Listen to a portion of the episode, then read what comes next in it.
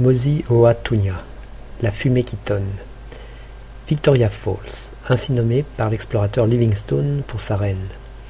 On entend avant de voir. Le ciel est brumeux. Déception.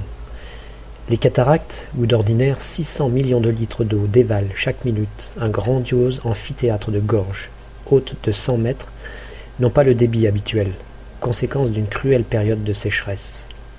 Le Zambèze traverse la Zambie, le Zimbabwe et le Mozambique sur près de 2700 km. Rivière furieuse, au cours accidenté de chutes et de rapides. Nous décidons d'affronter en raft la masse d'eau tourbillonnante et tumultueuse des rapides, en aval des chutes. Même avec un peu d'eau, c'est relatif, rien à voir avec le sage rafting pratiqué sur l'Isère.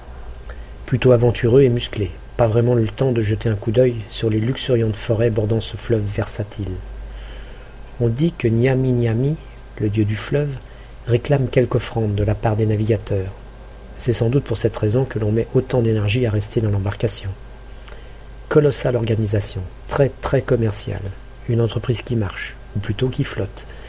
Expérience époustouflante, beaucoup de sensations fortes et d'émotions.